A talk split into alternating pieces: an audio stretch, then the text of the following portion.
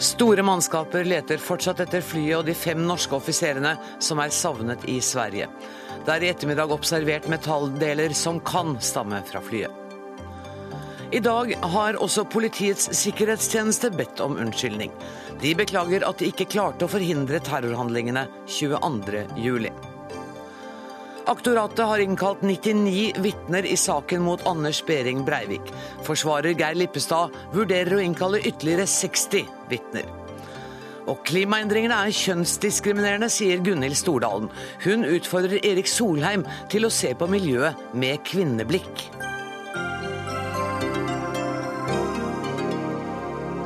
I denne sendingen skal vi også møte 30-årsjubilanten Radio Nova, en av de første og viktigste nærradioene her til lands. Men først. Arbeidet med å forsøke å finne det savnede Hercules-flyet og de fem offiserene om bord pågår fortsatt for fullt. Det har gått mer enn ett døgn siden siste kontakt med flyet, som var over Kebnekaisefjellene i Sverige. I ettermiddag er det observert metallbiter som kan tilhøre flyet. Velkommen til Dagsnytt 18, forsvarssjef eh, Harald eh, Sunde. Det er altså mer enn ett døgn siden siste kontakt. Hvordan vurderer du situasjonen nå? Eh, det er en meget krevende leteaksjon fordi været i dette området er vanskelig. Det snør, det er mye vind. Og ikke minst så er det også et terreng med dype daler og skarpe fjell. Har dere gitt opp håpet om å finne dem levende? Vi gir ikke opp håpet. Vi gjør alt vi kan for å finne havaristen, for å komme våre savnede kollegaer til unnsetning. Og nå har, eh, snø, eh, nå har, mørket falt på, eh, slik at det gjør det ytterligere vanskelig. Men vi har snøscooterpatruljer på bakken inn i dette området. Nå har vi også satt inn våre spesialstyrker fra Marinejegerkommandoen og fra Forsvarets spesialkommando for å komme inn i området. Vi har eh, reporter eh, Joakim Reikstad med oss. Du er i en bygd like ved Kebnekaise-fjellene. Kan du eh, fortelle enda mer om redningsaksjonen som finner sted akkurat nå? Ja, det er en svært omfattende redningsaksjon. Det er store mannskaper fra flere land ute. Svensker, vi har også fått bistand fra USA og fra, fra Danmark. Men de aller fleste kommer jo da fra Norge. Det er som forsvarssjefen her sa, patruljer på bakken. og Snøscooterpatruljer, også andre som går rundt omkring her. Eh, men det er også gjort forsøk med å sende inn helikopter og fly eh, med varmesøkende kamera for å eh, forsøke å lokalisere hvor dette flyet her befinner seg. Vi har altså, som forsvarssjefen bekreftet, fått meldinger om at det er observert metallbiter som kan komme fra flyet. Er dette opplysninger som du også har? Det er helt riktig. Vi har de samme opplysningene. Eh, det skal være noe oransjefarget, er det vi får vite her. Eh, jeg er litt usikker på hva som er oransje på et Hercules-fly.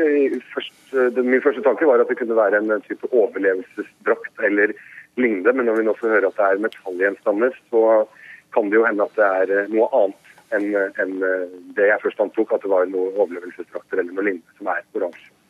Eh, vi hører nå at eh, mørket er i ferd med å senke seg. Vet du noe om eh, leteaksjonen kommer til å fortsette utover kvelden og natta? Ja, Det er jo et godt spørsmål. Altså, de, de, no, de, er nok innstilt på, på, å fortsette. Jeg har selv akkurat kommet tilbake etter en utflukt til dette området hvor de søker eh, våt og kald, for det blåser og det snør noe helt eh, forferdelig. Uh, det er svært vanskelig å stå oppreist i dette området her, så det er klart at vi har en stor utfordring når det gjelder akkurat dette. Men eh, det er jo godt trente folk som eh, Harald Sundes menn er godt trente folk. De er vant til å være i dette området, dette landskapet. Så de gjør nok sitt for, for å klare å, å, finne dem. Det er jo også et håp om at de har foretatt en eh, kontrollert nødlanding, men befinner seg inne i flyet uten kommunikasjonsmuligheter. De er vel det siste håpet om at de fortsatt er i, i live. Takk skal du ha, reporter Joakim eh, Reigstad. Forsvarssjef eh, Sunde, vi hører han beskriver et ekstremt vanskelig leteforhold pga. Været. Ja, dette er svært vanskelig. Vi har i hele dag hatt inntil seks fly som kontinuerlig har sirklet over området i håp om å finne en revne i skylaget, slik at vi kan se ned. Det var et slikt Orion-fly som i ettermiddag observerte eh, på eh, vestsiden av Kebnekaise eh, fire mindre snøskred. Det var mørk farge i snøen, og de observerte noen oransjelignende gjenstander. Nå vet vi også at eh, svenskene driver brevforskning i dette området og bruker noen oransje markører, slik at dette er ubekreftede opplysninger. På østsiden av Kebnekaise har vi funnet eh, En svensk patrulje har funnet eh, noen mindre metalldeler som lukter parafin, og det er jo en sterk indikasjon på at disse kan komme fra flyet. Eh, et av helikoptrene som ble sendt ut, fikk en observasjon. De kom seg så langt opp i, et, i en revne i dette skylaget at de fikk eh, se det samme. Eh, nå er mørket kommet. Og det planlegges en, en, massiv innsats ved daggry ved bruk av helikopter, ved bruk av patruljer som kan ta seg inn på begge sider av Kebnekaise for å komme inn til dette stedet. Kan du garantere at letingen kommer til å fortsette til dere har funnet fly og mannskap? Vi gir oss ikke. Vi setter ytterligere ressurser inn. Vi har flyttet fire Bell-helikoptre fra Norge inn til Kiruna. Eh, de er selvforsynt i to dager. Vi har mannskaper i, i bakhånd. Nå gjelder det ikke ressurser, det gjelder å komme seg inn til dette området. Og vi intensiverer og vi står på det vi kan. Det er eh, fem familier som nå er i dyp bekymring. Eh, hvordan ivaretar dere de pårørende nå? Eh, våre tanker går først og fremst til de pårørende som lever i denne usikkerheten, i, i håp om å få eh, meldinger fra et funnsted. Eh, vi har etablert en familiesamling, et pårørendesenter på Gardermoen. Denne skvadronen er tatt ut av øvelsen sammen med støttepersonellet. Dette er et lite miljø 335-skvadronen på Gardermoen som vi her snakker om, er et førtitalls personer. I det hele tatt så er det 100 eh, pluss på Gardermoen. Og dette er eh, offiserer og eh, sivile vi kjenner godt, så dette rammer oss alle. Dette var, helt til slutt så må jeg bare spørre, dette var et høyteknologisk, moderne fly. Har det overrasket deg at dere etter da, 27 timer fortsatt ikke har klart å finne det? Dette er et mysterium. Vi har ikke mottatt eh, nødsignaler, vi har ikke mottatt kommunikasjon fra selve flyet. Eh, men været har vært til de grader ekstremt, og det har hindret oss i å finne eh, havaristen. Og nå er vi inne i spurten inn til dette området. Tusen takk for at du kom til Dagsnytt 18 i dag, Harald Sunde, forsvarssjef.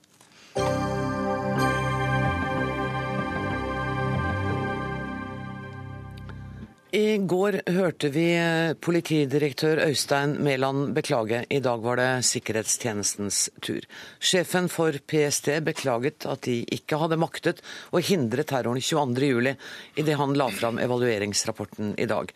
Han innrømmet også at PST kunne gjort en bedre jobb på flere områder. Velkommen hit, analysesjef i PST, Jon Fitje.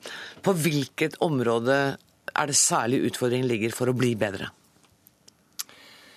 I evalueringsrapporten så peker vi på flere eh, områder. Eh, det går eh, t.d. på interne eh, rutiner, eh, saksrutiner, saksarbeid, saksprosesser, eh, behandling av informasjon. Eh, det går på ting som vi så i forbindelse med 22.07, når det gjelder PSTs rolle som en beredskapsorganisasjon. Eh, både rutiner for eh, stabsarbeid, planverk, varsling eh, internt osv. Og så ser vi også et litt større bilde, der det dreier seg om PST som en etterretningsorganisasjon. Og vi har pekt på at vi har kanskje en del svakheter når det gjelder nettopp den rolla. Den unnskyldningen som nå er kommet, står jo for mange av oss i sterk kontrast til eh, det PST-ledelsen uttalte i dagene etter terrorangrepet. Hvordan oppsummerer dere det? Jeg er ikke så sikker på at det innholdsmessig er så veldig stor skilnad på det en sa etter, eller umiddelbart etter terrorangrepet, og det vi sier i dag.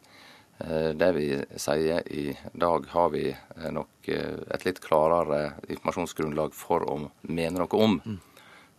Men vi peker jo på at ut ifra den informasjonen som vi har, ut ifra de vurderingene vi har gjort, så er det usannsynlig, det er urealistisk at vi på bakgrunn av den informasjonen som vi hadde om Anders Behring Breivik, eh, at vi på bakgrunn av det kunne ha avdekka eh, planene hans og avverge terroraksjonen. Eh, med de forbedringene som du nå skisserer at dere skal iverksette, og det arbeidet som nå skal gjøres på alle de områdene du nevnte, både internt og administrativt og som etterretningsorganisasjon, vil, når de er fullført, vil det da bety at da ville dere ha fått ham på radaren? Nei, det kan ikke jeg eh, konkludere med. Eh, jeg tror alle de eh, områdene som vi har identifisert, vil være en forbedring. Men det betyr ikke at vi kan klare å avdekke enhver soloterrorist, for å si det sånn. Det er særdeles krevende. Og i Behring Breivik sitt tilfelle så eh, kan vi som sagt, eh, når vi ser eh, tilbake på de, på de mulighetene vi hadde til å innhente informasjon, så kan ikke vi se at det var realistisk at vi kunne ha avdekket den. Da, da, måtte vi ha, ha måttet gjort en eller annen feil. Vi måtte ha fått en eller annen tilleggsinformasjon hvis vi skulle ha hatt en realistisk mulighet til det.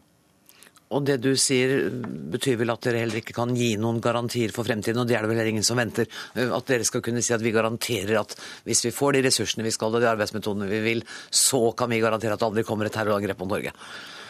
Nei, det kan vi selvsagt ikke. Uh, jeg tror det er viktig at, at alle uh, erkjenner at samfunnet er sårbart, og at også denne typen kriminalitet kan skje.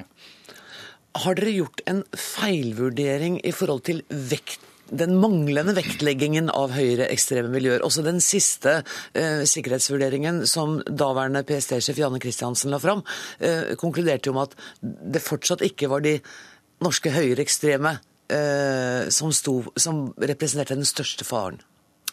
Uh, nei, den, den vurderinga som uh, vi gjorde i uh, 2011, den, den, står seg. nå var ikke Anders Behring Breivik noe typisk representant for Eh, det norske tradisjonelle høyreekstreme miljøet.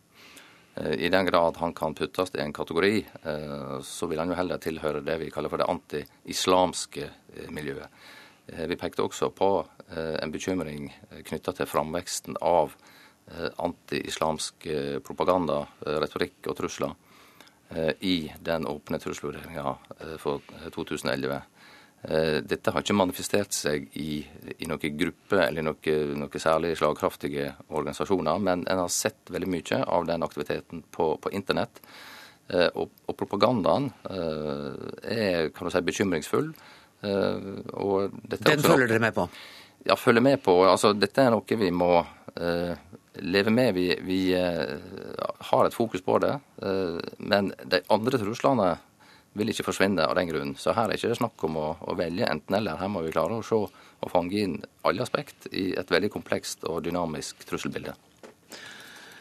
Dere ba om unnskyldning i dag. I går gjorde politidirektøren det, det samme. Har det en har dere vært en samstemthet, har dere vært omforent om at vi går ut med denne unnskyldningen, og det er på tide? Jeg kjenner ikke til at eh, det har vært noe eh, diskusjon eh, med Politidirektoratet. Vi hadde en veldig grundig intern diskusjon.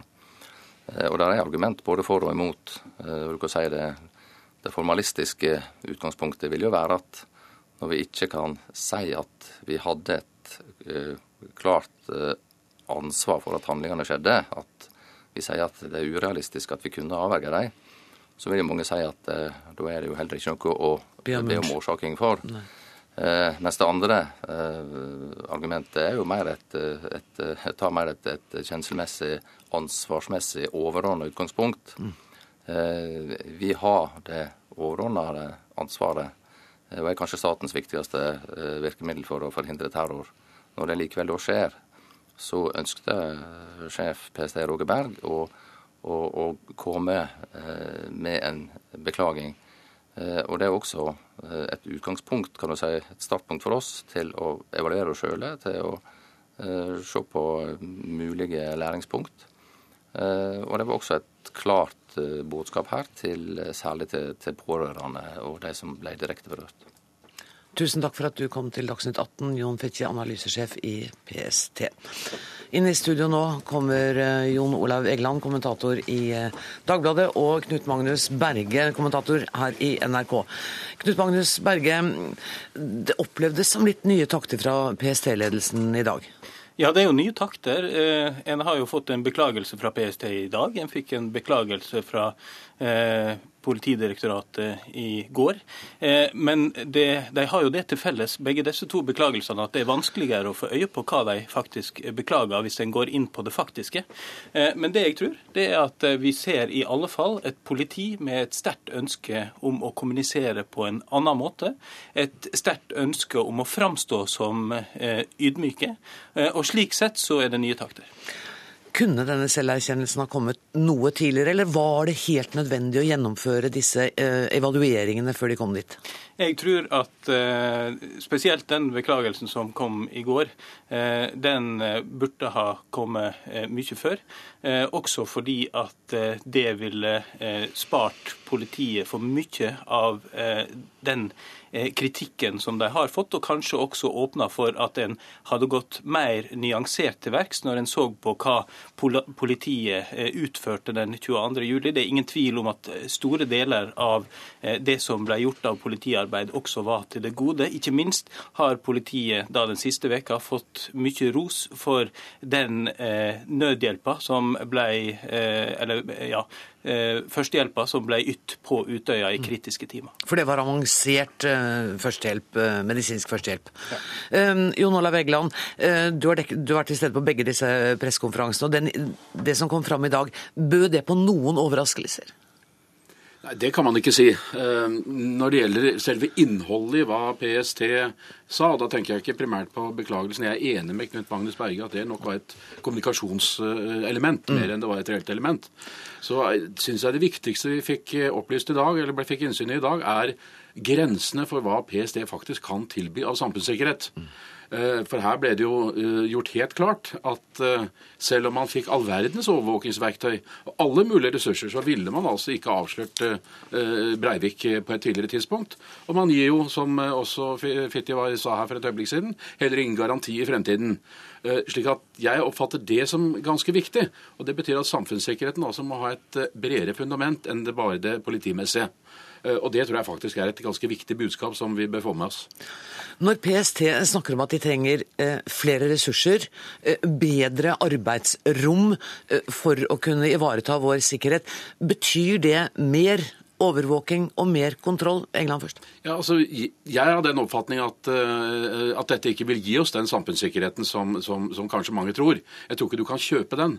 Jeg tror faktisk, som også PST-sjefen var inne på i dag, du må se også på det sivile samfunnet. Jeg tror at hvis samfunnet er er åpent, det er varmt og inkluderende. Eh, og jeg vet at dette er soft og, og, og, alt mulig sånt, men eh, så vil vi faktisk ha en bedre samfunnssikkerhet, rett og slett fordi vi da vil kunne oppdage raskere. Eh, der hvor det er sjelelig eller politisk ekstremisme, få korrigert kursen og kanskje stanse en, en, voldelig utvikling. slik at samfunnssikkerhet det er ikke bare politimessig arbeid, det er noe som faktisk angår oss alle. Mer åpenhet, mer omsorg for hverandre? Ja, jeg tror vi må ha blikk og omsorg for hverandre. At det faktisk er det beste forebyggende middelet. Mm. Er du enig i det, Knut Magnus Berge? Ja, det er jeg eh, selvsagt enig i. Det som eh, eh PST framheva i denne rapporten i dag, var at de i altfor liten grad er i stand til å analysere all den informasjonen de faktisk får inn.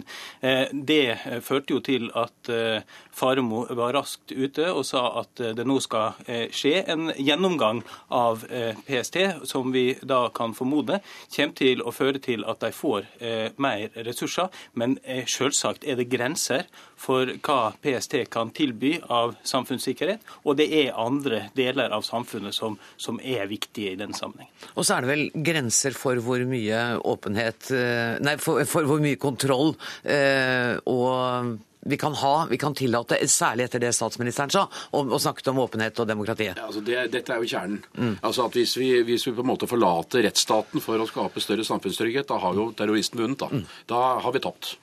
Rett før jeg gikk i studio, så kom det en melding på NTB om at statsminister Jens Stoltenberg nå også har eh, beklaget. Hva, eh, hva, betyr den beklagelsen? Jeg har ikke hørt den ordrett, men ettersom jeg forstår, så har han da i en tale han har holdt til AUF i dag, beklaga at Eh, så mange liv gikk tapt, og at det norske samfunnet ikke klarte å forhindre at dette skjedde. Slik sett så er jo det en beklagelse som er veldig i familie med de to som vi har fått fra politiet. Og det er vel et ønske om å uttrykke, et, uttrykke slags, et slags ansvar, uten at man på en måte trekker konklusjonene før denne kommisjonen som kommer i august, som jo skal se på hele hele 22. juli-komplekset.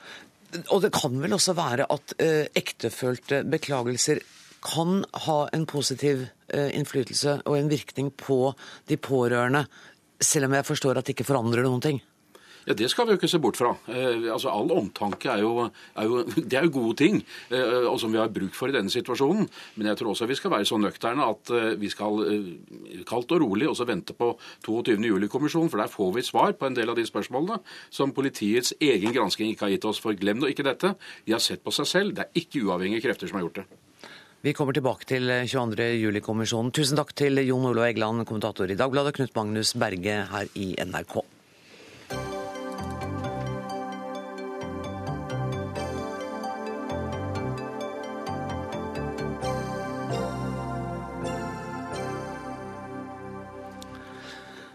Aktoratet innkaller 99 vitner i saken mot Anders Behring Breivik. Det kommer fram i den bevisoppgaven som i ettermiddag ble sendt til Oslo tingrett. Overlevende fra Utøya og regjeringskvartalet er blant vitnene, i tillegg selvfølgelig de medisinsk sakkyndige og flere andre. Velkommen til studio, Geir Lippestad, du er forsvarer for Anders Behring Breivik. Eh, hva er din første reaksjon på bevisoppgaven? Ja, den er eh, som forventet. Vi har jo hatt eh, noen forberedelsesmøter med, med statsadvokatene. Eh, så dette er som forventet. 99 vitner høres mye ut, men i en sånn sak som dette, så er jo ikke det mye. Så er det også slik at Vi som forsvarer har selvfølgelig et behov for å føre andre typer vitner. Så vi jobber også nå med vår bevisoppgave. Den vil ikke bli så omfattende, men det er ganske mange vitner der også som, som vi har nedtegnet. Er det noen svakheter etter ditt syn ved denne vitneoppgaven? Bevisoppgaven, mener jeg. Ja, eh, noen svakheter altså Det vi må gjøre som forsvarere, er jo å bygge opp en egen bevisoppgave, hvor vi da tar med de eh, vitnene og dokumentbevisene som vi mener eh, taler eh, siktes, eller unnskyld nå, tiltaltes sak. Og I denne saken så er jo det litt spesielt, fordi at eh, tiltalte han ønsker jo for enhver pris å bli dømt som tilregnelig. Mens eh, den eh, foreløpige påstanden fra eh, aktor er jo da utilregnelighet. Slik at vi vil bruke mye tid på å føre vitner og dokumentbevis som da kan vise tilregnelighet. Hans mor er oppført på aktoratets liste over vitner. Hvordan reagerer han på det?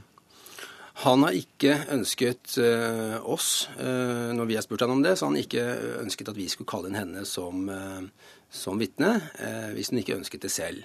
Så det har, har, han sagt til oss. Han har, ikke reagert noe spesielt i dag på at moren står på vitne, vitnelisten, men, men det har han sagt til oss tidligere.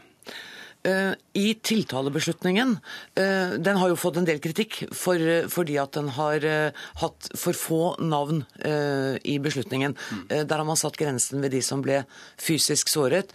Nå viser det seg at i bevisoppgaven så har man også vitner, til sammen 19 tror jeg, fra Utøya og regjeringskvartalet, som ikke er fysisk såret. Mm. Hva tenker du om det? Det er jo et behov fra, fra påtalemyndigheten å, å, få en bredest mulig forklaring på hva som skjedde, også med de som, som ikke da fikk fysiske, fysiske, skader.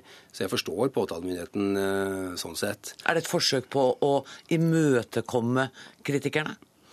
Nei, det vet jeg ikke. Jeg tror mer det er et forsøk på å belyse saken så godt som mulig. Denne saken skal jo, altså Bevisoppgaven skal jo ha som hensikt å belyse saken. Og disse 19 vitnene har da en oppgave, tenker jeg, at, at, de vil kaste lys over spesielle områder av saken som, som er viktig å få frem, slik påtalemyndigheten har tenkt. Eh, dere kommer til å levere en egen bevisoppgave? Mm. For det gjør man jo ikke i alle typer saker. Nei. I denne saken så er det naturlig for oss, og, og, og det ble en nokså omfattende bevisoppgave. Som sagt så er det jo slik da at vi, eh, fordi eh, tiltalte selv er veldig tydelige på det, eh, vil prøve å jobbe for at han da blir dømt som tilregnelig, og får, får straff som tilregnelig. Og da er det viktig for oss å, å, å se på hvem som kan kaste lys over det. Og det vil jo naturlig være eh, de som har behandlet han eh, i fengselet, de som har vært i kontakt med han i fengselet, eh, og også andre som, som kan kaste lys over, over, den situasjonen. Enkelte av disse står jo også på aktoratets liste. Det er riktig. Enkelte, enkelte gjør det, men det er også en rekke, rekke, flere som har vært i kontakt med han, som ikke gjør det. Så men Det er vår oppgave da å, å, få de med. Når kommer dere til å legge fram deres bevisoppgave? Vi har et mål om å få den på plass og få sendt den over til retten innen 14 dager. Etter at den er oversendt, vil dere da fortsatt ha mulighet til å kunne legge til vitner på listen, eller er det det endelige dokumentet?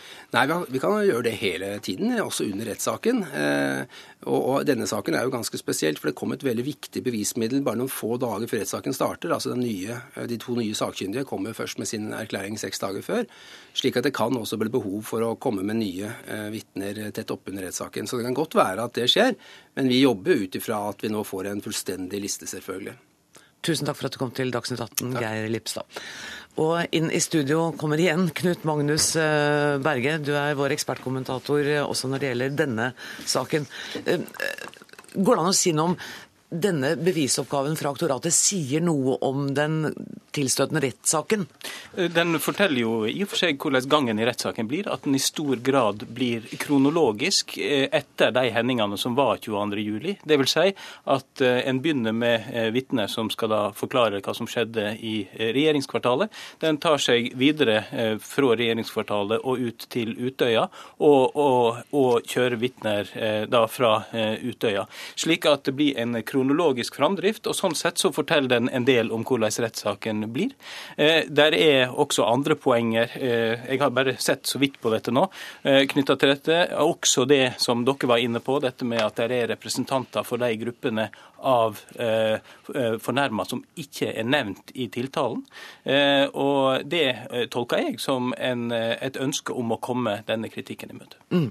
Og, at, og Sist Riksadvokaten var i dette studioet, så sa han også at man vurderte å legge fram en navneliste over alle som hadde vært berørt på en eller annen måte uten å bli såret, og legge den fram for retten. De går altså skrittet lenger og innkaller nå 19 ekstra vitner. Ja, og det syns jeg er interessant. Men jeg, eh, det mest interessante poenget, som, som, jeg ser det i det jeg har fått oversikt over til nå, er at eh, altså påtalemakta innkaller psykiater Randi Rosenquist, eh, i, tillegg til de sakkyndige i denne psykiatridelen.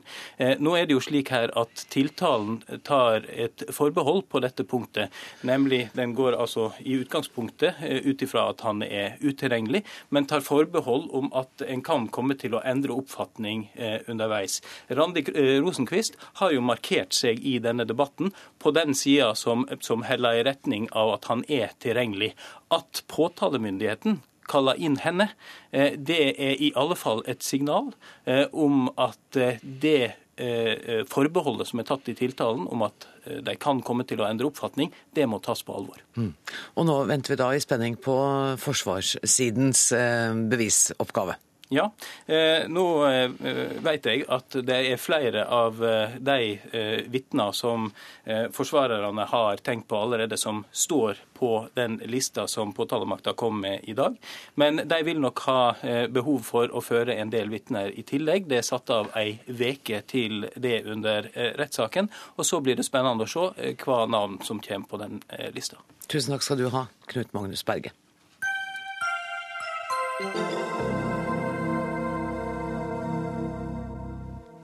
Oljefondet tapte 86 milliarder kroner i fjor, noe som tilsvarer vel 17 000 kroner for hver og en av oss.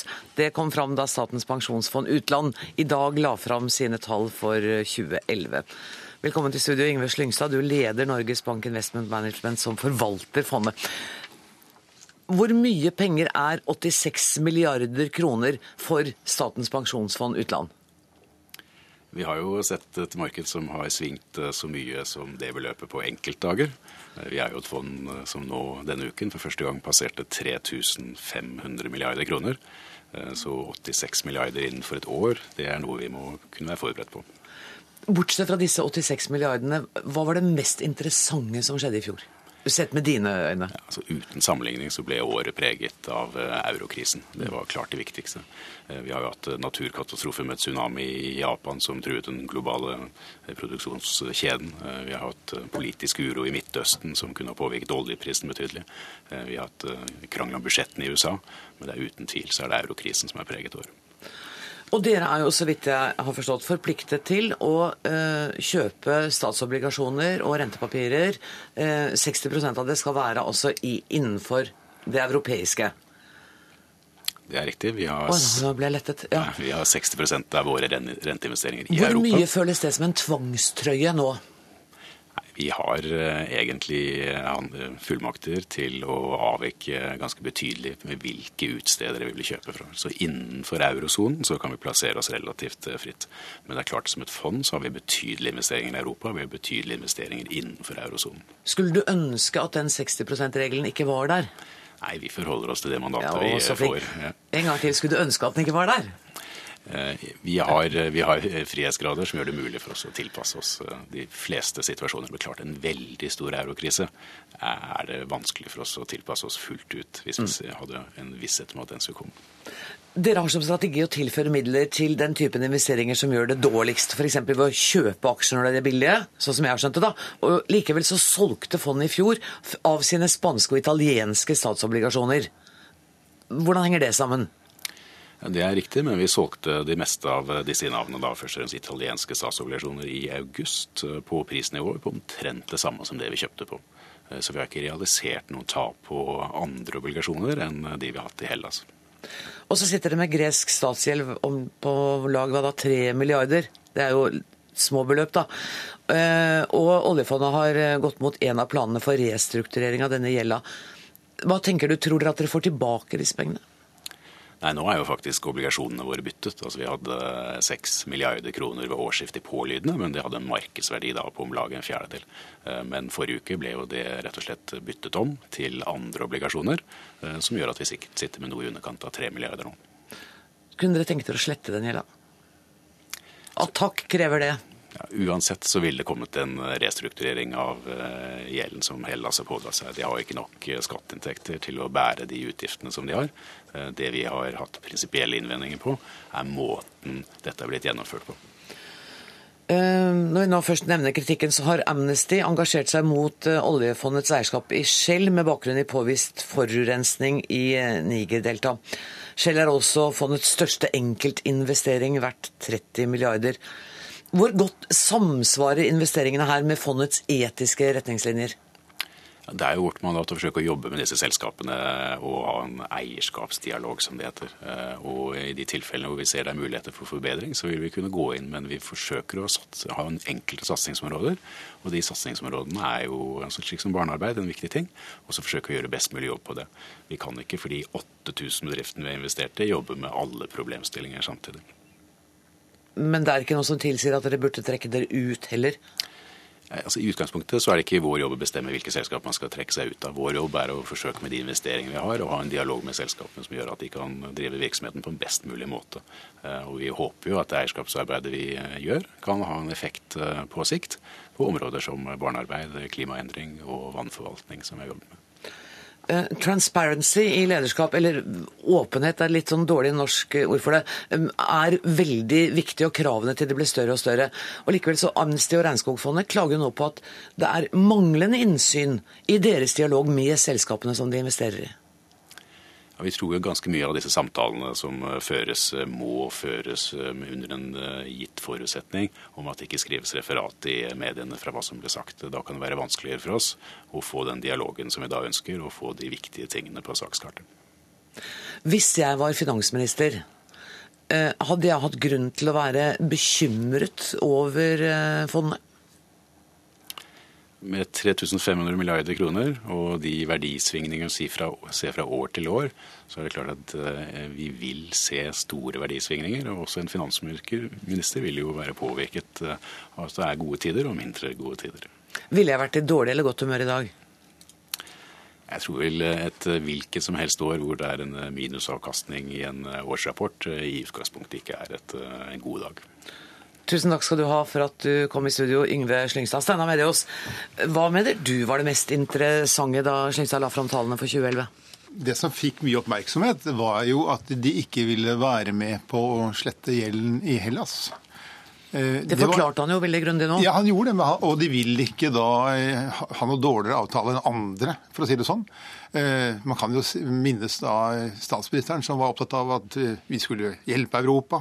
Dette, nå var det viktig å hjelpe Europa, og denne gangen handlet det om å hjelpe land og ikke banker. Men eh, når vi kommer der som bank, så vil vi gjerne bli behandlet slik at vi får, behandlet, får tilbake gjelden vår. Så, sånn sett så Det er logisk, men det er likevel en, en slags dobbeltrolle Norge får. Det andre syns er interessant, og som jeg, syns Slyngte er forsiktig når han sier, men det, det er ikke ukjent at, at fondet har en dialog dialog om dette mandatet sitt, at de, de nå er veldig tungt vektet i eurosonen. En sone som man er bekymret for, og som sentralbanksjefen selv uttrykte bekymring for når han satte renten ned forleden dag. De ser litt mørkt på det. De ser mørkere på det i Norges Bank enn resten av finansverdenen, så å si. Og de vil gjerne få lov til å vekte seg annerledes enn det er nå. Å være i de land hvor altså det er vekst i økonomien, og ikke i de land hvor det begynner å krympe. Fordi de har et meget strengt krav på seg. De har krav om å ha en avkastning på 4% i året i forhold til denne handlingsregelen, og det greier de ikke. Men det er ikke så veldig langt under, eller er det det? Ja, minus 2,5 er jo langt unna er, ja, okay. i, i, år. Ja. Men du kan si i snitt og det er det som er dramatisk i, i, signalet fra fondet og sentralbanksjefen. De vil ikke greie dette snittet på 4% i året. Og de har jo henstilt nå til politiske myndigheter om å ta hensyn til dette. Men det har man altså ikke gjort. og Samtidig eh, skal man altså presse dette fondet og være i Europa, så nå har de største problemene. Men dette kan bli endret, og sannsynligvis vil jeg anta at det blir endret, fordi det kommer en ny melding fra Stortinget om ganske kort tid, jeg tror i slutten av denne måneden. Og da vil jeg anta at f.eks. ønsket om å få en annen type spredning, fordeling av pengene, eh, vil eh, reflektere de ønskene de har. Og skulle det gå, gå mot en global fordeling av pengene, med, med, de globale vekter som de foreslår, så vil eh, de måtte selge seg ganske kraftig ned i Europa, både når det gjelder aksjer og eh, obligasjoner. Mange hundre milliarder er da til salgs fra oljefondet sine. Men denne handlingsregelen er jo heller ikke noen naturlov. Eh, den er jo en politisk vedtak, så man kan jo se for seg at den også kan endres. Ja, det, og det var vel det Norges banksjef foreslo at verden har endret seg, og derfor så må også handlingsreglene endre seg. Men det tok da sa altså Stoltenberg nei, du. Ja, han sa veldig tydelig nei. Men det er liksom don't confuse me with facts. Altså, Hvis fondet ikke greier den typen avkastning, så må man også se i øynene at da spiser man av det fondet, som skulle vare evig, som det ble sagt i, i sin tid. Eh, fondet har kommet med et veldig kraftig signal om at denne typen avkastning greier de ikke. De må være, ha et annet type mandat, og det er dette vi nå venter på. Når vi snakker om 3500 milliarder i dette oljefondet, så så har de fleste av oss på en måte Det glipper på forståelsen av begrepene. Bør det være i den størrelsesorden, eller bør det enda vokse? Altså, eh, det er jo nesten fristende å si at nå, eh, nå, har vi så mye penger i dette oljefondet at ikke vi helt eh, vet hvor vi skal gjøre av dem. Og, og, vi vet ikke helt hvor vi skal gjøre av dem hvis vi skal ha den typen avkastning som politikerne nå forlanger. Da vil man måtte ta også en type risiko som de samme politikerne nekter fondet å ta. Da sier jeg takk til, igjen til Yngve Slyngstad og til kommentator her i NRK, Steinar Mediås.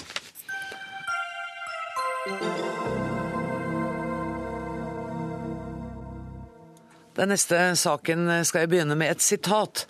Kjære Erik Solheim. Sett jenters perspektiv på agendaen i norsk miljø- og bistandspolitikk nå.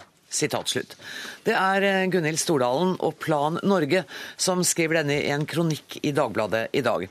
Og til studio har vi invitert både Erik Solheim og deg, Gunhild Stordalen. Velkommen hit, begge to. Stordalen, du er lege og styremedlem i European Climate Foundation. Jenter og kvinner rammes, rammes hardest av Vestens mangeårige utslipp, skriver du og generalsekretæren i Plan Norge, Helen Bjørnøy, i kronikken. Hvorfor rammer jentes mest? Altså, klimaendringer er jo veldig urettferdige eh, i seg selv, men at det også er eh, kvinnediskriminerende, er, eh, er, ganske ny kunnskap. Eh, de som er fattigst, de rammes hardest av klimaendringene. Eh, og nå er det sånn at 70% av de som lever for under én dollar om dagen, er, er kvinner. det er også sånn at typiske jenteoppgaver som det å bære ved og vann, det, når det blir sultkatastrofer pga. tørke, så bruker jenter da mye mer av døgnets timer på eh, disse oppgavene. og Det betyr at de får mindre tid til å gå på skole, og eh, de får mindre utdannelse enn gutter. Så det forsterker da den urettferdigheten som allerede rammer jenter. Og så er det også da eh, ved naturkatastrofer så dør flere jenter eh, fordi de har dårligere overlevelsesferdigheter. De lærer ikke å, sykle, nei, å, å klatre og svømme, svømme ordentlig, ikke sant. Eh, og de blir også utsatt for overgrep, overgrep i etterkant når det er dårlige bo- og sanitærforhold. Hva er det du mener at Erik Solheim skal gjøre med dette, da? Altså Bare det at vi har en, en utviklings- og miljøminister som en kombinert eh, sak, det betyr jo at, eh, at vi har skjønt at, at, eh, fattigdom og klima henger sammen. Eh, jeg mener jo at, eh, at, Erik Solheim skal sette dette på den politiske agendaen og være med å, å få fram eh, kunnskap om at vi klarer ikke å løse klimakrisa uten å gjøre noe med fattigdomsproblematikken, og vice versa. Erik Solheim, det var ikke vanskelig å invitere deg til Dagsnytt 18 i dag. Sa, dine folk sa at dette var av dine, en av dine hjertesaker. Og likevel er det altså utrolig mye ugjort her. Det er jo veldig sjelden du får et uh, tupp i ræva som du er så glad for å få, for å si det som dette. Uh, og ja, selvfølgelig, vi, vi, må gjøre mer, og selvfølgelig har uh, Gunhild rett. La meg gi et veldig konkret eksempel. Jeg var jo masse på Sri Lanka i forbindelse med tsunamien der. Det var mange flere kvinner og jenter som døde i tsunamien enn menn. Det skyldes dels at menn eh, var bedre til å svømme, bedre til å klatre. Men jeg tror det mest skyldes en annen ting. At når en slik katastrofe kommer, så er kvinnenes instinkter å redde barna, mm. redde de eldre. Mens vi menn veldig ofte tenker på å redde oss sjøl og sjansen for å overleve er selvfølgelig større hvis du bare prøver å redde deg sjøl, enn hvis du skal redde en hel familie. Mm. Men vi vet jo også, altså forskning viser, jeg var inne på noen nettsider som FN har i dag, som viser at hvis jenter i fattige land, f.eks. i Afrika, får gå på skole i sju år, så gifter de seg to år seinere. De får færre barn, de tjener mer. Så det er jo bare å satse på jentene hele løypa langs. Absolutt, og heldigvis så Men det er så lett å sitte her og si det. Gjør det, da. Ja. Eh, heldigvis gjør vi en hel masse på dette, og heldigvis så går det jo bedre. Altså, det er mange flere barn som går på skole enn før. Det er mange flere jenter som går på skole enn før. Men det er fortsatt for mange jenter som ikke går på skole. Og dette er en stri politisk kamp. Eh, forrige uke møttes FNs kvinnekommisjon. Eh, der var norske ambassadøren, han er en mann, men han holdt det suverent tøffeste innlegget, fordi det er en del jeg må si, skikkelig reaksjonære krefter som ønsker å sette tilbake, sette tilbake kampen eh, for, eh, for, prevensjon, kvinners rett til å rå over sin egen kropp, kvinners rett til å, til å kontrollere sin egen seksualitet. Eh, og Dette er en daglig politisk kamp. Vi har en del allierte, og hyggelig nok også f.eks. et moderat muslimsk land som Tyrkia var en viktig alliert for Norge der. Men det er en del reaksjonære krefter ute i verden som vi er i en kamp mot. Du har full støtte fra statsråden, og han liker å bli sparket bak av, til gode saker som dette. Du har vært i Afrika. Hva var det du opplevde der? Sammen med Plan Norge, jeg mener den siste turen din. Ja, eh, den siste turen, ja. der hadde bra du presiserte det. Ja. Nei, eh, det, det viktigste jeg opplevde der, var jo egentlig å se at det er veldig lite som skal til. Eh, 2012 er året for fornybar energi til alle. Det er 1,3 til 1,5 milliarder mennesker uten tilgang på elektrisitet i dag. Og for å kunne løfte fattigdom, eller land ut av fattigdom, så er de nødt til å ha eh, tilgang på strøm. Så dårlig som infrastrukturen var i Etiopia, så, så bare skjønner man at her nytter det ikke å liksom skulle begynne å bygge ut strømnett uh, osv. Uh, vi må handle nå, og da trenger man liksom tiltak som solcellepaneler. Og hvordan da det kan da bidra til å få skolegang for, uh, for barn og drive helseklinikker osv. Det, er liksom, det, det er små ting som nytter, og som man kan gjøre nå. Og så er det vel noe med at også eh, disse landene som vi snakker om, er jo også ofte krigsherjede. Det er vanskelig for jentene vi snakker om utdannelse, vi snakker om skolene, å få dem til skoler, og få skoler til å vare. Det, og det er, det er helt uh, riktig. og det er liksom, Men å satse på kvinner jeg, jeg tror det er viktig at vi bare, uh, ikke bare snakker om kvinner som uh, ofre, men også som en del av løsningen på både klima- og fattigdomsproblematikken. og det er veldig mye som ligger i det med utdannelse. Det viser jo det at kvinner, når de har inntektsgivende arbeid, så går da 90% av inntekten tilbake til familien, til kosthold, til helse, til utdannelse. når menn har inntektsgivende arbeid, så er det 30-40% som går tilbake. Ja. Sjokkerende. Så kvinner, og, og veldig mye av, av de bøndene som har, står for matproduksjon i Afrika, er kvinner. Så, så kvinner er nødt til å være med eh, i de rommene der beslutningene tas og løsningene eh, finnes. Hva tenker du om denne utfordringen? Altså, du, går det fort rundt i huet på deg nå hvor du tenker hva kan vi gjøre sånn konkret nå? Hvordan kan jeg ta dette videre fra Dagsnytt 18-studio? Jeg tenker at Vi må stå på for kvinners rettigheter i alle sammenhenger hvor, eh, hvor de er oppe, og hvor Norge kan være en tydelig stemme. Og vi er den tydeligste stemmen på dette området. F.eks. er det sånn nå at EU, fordi alle EU-landene skal bli enige om noe, har lagt seg på en dessverre litt for slapp linje, fordi de skal tilfredsstille de EU-landene som er mest siderumpe her. Det gjør at Norge kan være den tydeligste stemmen i veldig mange internasjonale fora for, for kvinners rettigheter. Er det godt nok for deg, Gunhild Stordalen, det han sier nå, å være den tydeligste stemmen? Altså jeg, jeg, tror det er veldig viktig at vi setter liksom fokus på, på at at klimaendringer er, det er en trussel for folkehelsa globalt. Men så det Erik kan bli enda flinkere til, er å sette fokus på at klimatiltak hjemme vil gi en rekke positive helsegevinster. F.eks. at man legger om kostholdet, spiser mindre kjøtt, som er en av de viktigste utslippssektorene. Og at man har smart byplanlegging, som gjør at folk da lettere kan sykle til jobben istedenfor å bruke bilen, f.eks. Mm. Så går det kanskje an å begynne med å levere denne klimameldinga som har vært varslet en stund? Absolutt, og det skal vi gjøre. Alt, alt, henger, alt henger sammen med alt. Jeg har følelsen av at jeg har spurt om dette før. Du har spurt om det før. og Den kommer til juni, det har vi sagt og svart på mange ganger. Den, den kommer selvsagt til juni. Men la meg gi et veldig konkret eksempel på et område hvor kvinner er særlig utsatte, og hvor helse og klima henger tett sammen. I veldig mange fattige land så har man gam, veldig gammeldagse ovner hvor man forbrenner utrolig mye ved på en veldig dårlig måte, eller, eller køl, eh, for å koke mat. Kvinner og barn, man regner med at 3-4-5 millioner mennesker dør hvert år av den direkte inhaleringen av denne røyken.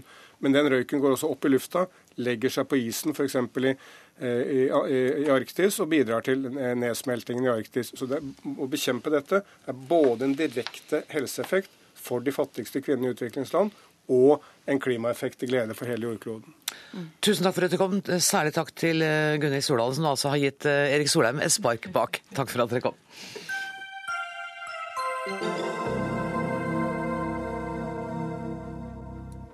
Nå skal jeg ta dere med tilbake til eh, 1982. NRK-monopolet er blitt eh, oppløst, og på FM-båndet sto aktørene i kø i 1982 for å slippe til. En av eh, de aller første aktørene på FM-båndet feirer sin 30-årsdag i dag, fredag 16. mars. Og aller først skal vi høre på dette.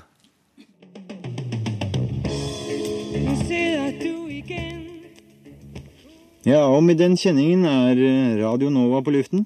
Oslos første ikke-kristne nærradio. Eh, Oslo Radio Nova drives av Oslo-studentenes nærradio.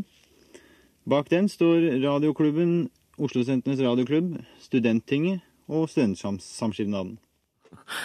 Hjertelig velkommen i studio, Tore Tollersrud. Det var ikke deg vi hørte her, du var Radio Novas første redaktør. Var du øyeblikkelig sikker på at dette ble en suksess da du hørte hvordan det gikk på lufta? Nei, det tror jeg ikke. Dette var jo veldig snublende og slentrende. Men jeg tror det bar litt preg av at det hadde vært veldig hektisk i forkant. Ja, Hvordan da? Nei, Vi var en gjeng med entusiastiske studenter, og vi hadde jobba hardt for å komme på lufta. og Det var det som var viktig for oss, det var eh, å komme på lufta. Og vi ville aller helst være først, men det var en mann som slo oss, og det var eh, den eh, velkjente pastor Bratterud. Han slo oss på noen få dager her i Oslo. Hadde dere noen lyttere, tror du? Jeg tror det, fordi det, Husk utgangspunktet den gangen var at vi hadde én radiokanal og én TV-kanal i Norge som NRK drev. Eh, at det kom flere aktører på lufta, vakte veldig stor oppsikt. Det ble kalt for en slags vårløsning. I studio er også Finn Ove Haagensen. Dere jobba vel sammen, du var også med helt fra begynnelsen av. Og nå er du nyhetsanker i TV 2. Det ryktes at du var en av de første avhopperne til NRK fra Radio Nova. Er det riktig, det? Nei, det er ikke helt riktig, men jeg har en veldig god historie om det. Fordi Kalle Lisberg, som vel nå er sjef i P4, han jobbet den gangen i gamle P2, ja. som jeg tror du også har jobbet eh, en gang. Og, og det Kalle gjorde, han ringte opp i Radio Nova og ville snakke med Tore. Og så var det ikke Tore som tok telefonen, men en som ja, vi kan kalle han Gunnar. Han tok telefonen og så sa han at nei, Tore er ikke her, men er det noe jeg kan hjelpe deg med? Så sier Kalle Lisberg at ja, vi behøver noen uh, frilansere i, i, P2. Ja, ja, ja, jeg kan godt komme, sier Gunnar. Og så forsvant Gunnar, og han var vel en av de første. Og det som skjedde etter det, var at hver gang telefonen ringte i Radio Nova, så kasta alle seg over telefonen. I håp om at det var Kalle Lisberg. Men, men var det målet, Tore Tollersen, var tanken med Radio Nova at dere skulle gjøre karrierer i de etablerte fjernsyns- og radiokanalene? Jeg tror vi hadde et litt sånn tvetydig holdning til det. Det var en kollega eh, av meg her i NRK som minnet meg om at jeg den gangen sa at vi skulle holde oss for gode for å gå til NRK. For NRK var så veldig arrogante. De sa liksom at vi var amatører. Det hadde selvfølgelig rett i. Men eh, jeg må nok innrømme at når eh, NRK seinere ringte, så var verken jeg eller andre veldig seine til å si ja. fordi vi syntes det var veldig flatterende å få det tilbudet. Og det som jo skjedde, var at eh, NRK tok hele konseptet som Radio Nova lagde et humorprogram som het Radio Amok, som faktisk eh, NRKs underholdningsredaksjon på radio eh, sendte. Og det var Tote Osvold som ringte opp i Radio Nova og inviterte hele gjengen ned. Men, og dere har jo vært, altså Radio Nova har jo vært leverandører av markerte journalistprofiler i alle sammenhenger. Hva var det for noe med det miljøet? Det var, det var ikke så unaturlig. Vi kom fra Blindern fra universitetet stort sett hele gjengen og var den nye generasjonen. og eh, Vi startet noe nytt, og vi var entusiastiske. og det er klart at NRK hadde ikke hørt noe lignende før. Jeg husker vi hadde et program som eh, Folk trodde jo at det sanger som NRK hadde forbudt, var forbudt å spille på lufta. Oh, ja. Så vi lagde et program, eh, sanger som NRK forbyr, som Dra til helvete, og en del av de sangene som ble forbudt her, her i NRK. Så det kunne vi spille fritt. ikke sant? Så, så, det var ikke så unaturlig at vi ble en slags rekrutteringsanstalt for, for, for NRK. Hvor stor gjeng var det som starta denne radioen? Tror vi var 30-40 eh, stykker. Eh, men eh, vi skal huske på at vi var ganske godt spent, fordi i forkant så hadde jo gamle radioamatører det som het Oslo-studentenes radioklubb, som drev med sånn kortbølgesendinger, de hadde jo studioer og alt stående klart. Og hadde kjempesvære båndmaskiner, gamle brukte ting de hadde kjøpt fra NRK. Så vi kom egentlig til dekka bord, og var en gjeng med veldig entusiastiske studenter på Blindern. Det må jo ha vært noen historier fra den gang som dere kanskje ikke har tenkt å fortelle i Dagsnytt 18. Kan kan dere ikke by på noe? Er det noe som er litt sånn Nei, men Jeg fortalte jo en om ja, ja. De, de, som ringte, da. Men vi lagde et, eller jeg lagde, jeg ringte Bjartmar Gjerde, som var kringkastingssjef her i NRK den gangen. og Det var ganske tidlig hvor, eh, etter at vi hadde starta, for å intervjue han om innføring av nærradio. Og Bjartmar Gjerde han eh, hadde aldri hørt om nærradio, han visste ikke hva det var. Og det var flere måneder etter at vi hadde kommet på lufta. men det dere ikke kan ha trodd, var jo at dette skulle være en livskraftig radiostasjon 30 år etterpå.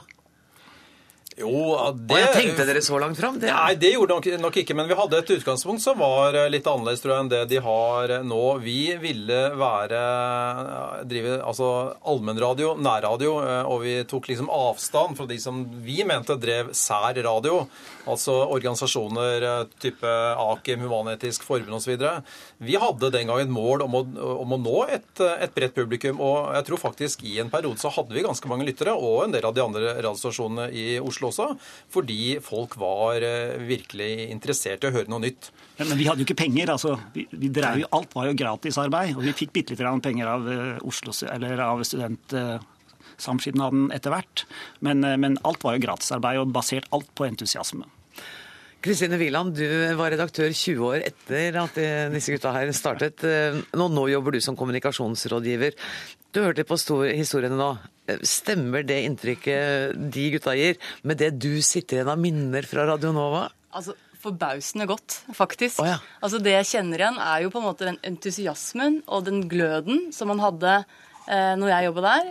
Det føltes dødsviktig den gangen. Det føltes sikkert dødsviktig når dere også drev på med det. Og jeg håper jo at det føles dødsviktig i dag også. Eh, den viljen og ønsket om å drive frem gode og spennende saker eh, for lytterne. Hvor viktig var det politiske aspektet? For Mitt inntrykk er at det var litt sånn raddisaktig? Det var jo, Vi var kanskje nesten mer radiosromantikere enn så veldig radikale i oss selv. Eh, vi, vi lengtet kanskje litt tilbake til den tiden dere beskriver, hvor man kunne være kanskje en litt krassere og tydeligere opposisjonsstemme. Vårt, eh, altså Landskapet når jeg drev på, var jo mye mer eh, altså, mangfoldig i seg selv. da. Men det som var viktig for oss, det var jo å være annerledes. Det å kunne tilby et annet radiotilbud, andre stemmer, annen musikk enn det man kanskje fikk ellers. Ja, en, en historie om entusiasmen. fordi eh, Natta til 1. mai utvikla seg til mye bråk i Oslos gater. Mm. Og Vi hadde jo sendinger direkte fra Oslo med mye bråk. og Jeg tror at politiet syntes vi var vel entusiastiske, for de ringte opp og ba stoppe de jævla sendingene. fordi vi oppfordra folk til å ut i gatene og også, lage bråk. Så, så... Og oppfordringen ble fulgt. Det tyder jo på at det var mange som hørte på dere. Programlederen tror jeg til og med stakk fra studio og, eh, for å eh, slutte seg til mastene. Jeg tror det, at på den tida så hadde vi også vi syntes det var gøy å utfordre grensen litt og mm. lage litt skandale. Hvis det ble et uh, førstesideoppslag i tabloidavisene, så var vi veldig fornøyd. Nøyaktig det motsatte målet av det vi har her i dette studio, liksom. Men Kom med en skandale, da. Hva var det dere Gjorde dere noe som ble skandaløst? Ja, det var eh, kanskje folk som eh, sa ting som de kanskje ikke nødvendigvis eh, hadde fått lov til å gjøre her i NRK, og da ble det rabalder. Altså, jo var veldig mye skandaler i den første perioden. Og Var det det også mens du holdt på, Kristine? Var det mye skandaler? Jeg kan ikke komme på så veldig mange skandaler. Det kan jeg ikke. Eh, og noen av de episodene som skjedde de tidligere årene, levde jo vi også på i stor grad. For oss, altså, Jeg følte også som en del av min oppgave som redaktør i den tiden jeg var redaktør, det handlet jo også om å, å, å bringe radioen inn i et litt nytt landskap, da, som så litt annerledes ut. Og Dere søkte vi... konsesjon, blant annet? Ja, blant annet så gjorde vi jo det. Eh, Gikk ikke så fint, det. Nei, altså vi fikk jo ikke den konsesjonen. Det gjorde vi ikke. Eh, men det var jo et forsøk på, eller vi så den eh, P4 4-utlysningen som en mulighet til å, å en, skape en debatt da, som nettopp eh, handlet om, eh, om, premisser for radiokringkasting. Og der Radionova kunne komme inn, eller studentradioene kunne komme inn og være en, en, spill, en relevant og interessant aktør. da. Tore er fra Slagen ja. utenfor Tønsberg, og det sto i, i Tønsberg Blad 'Slagenmann' i, i forbindelse med en eller annen sånn skandale. og Da trodde jeg at Tore var slagen, men det var jo fordi han er fra Slagen i Tønsberg, selvfølgelig. Så. Har dere noen gang angra på at dere har brukt så mye fritid og deler av energien og entusiasmen på å drive Radio Nova? Det, var en lang, lang fest, hele greia. Altså virkelig. Nå begynner vi å nærme oss noe, syns jeg. vi hadde fest i bunkersen, som vi kalte det. Vi hadde jo lokaler i kjelleren på en studentblokk oppe på Kringsjå. Det var jo en bunkers, men der var det full fest, og vi hadde allmøter som varte i 10-12 timer. og det, vi, vi, levde og bodde der, og det var, eh, liksom, eh, det, var, det var, en stor opptur for, for, alle sammen. Og Tore var den selvfølgelige lederen. En alder av 22 år så var han eh, redaktør. Og vi synes jo at vi var med på å lage litt historie, og det gjorde vi på sett og vis i og med at vi var tidlig ute i en sånn eterrevolusjon i Norge og var med på å prege det. Hører du hvordan Tore Tollersrud stadig skal ha det vekk fra festene og over i det mer ansvarlige?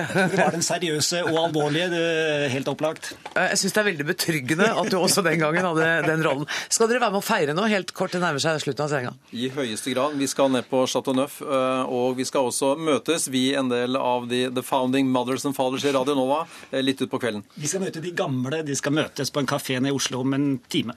Åh, oh, Jeg misunner dere. Men denne uh, utgaven av Dagsnytt 18 er slutt. Hele uka er faktisk over, så jeg må si takk til Tore Tollersrud, Kristine Wieland og Finn Ove Haagensen. Uh, ansvarlig for sendinga i dag har vært Ida Tune Ørrisland. Uh, det tekniske ansvaret har Karl Johan Rimstad. Jeg heter Anne Grosvold. Mandag sitter Sverre Tom Radøy på denne plassen. God helg.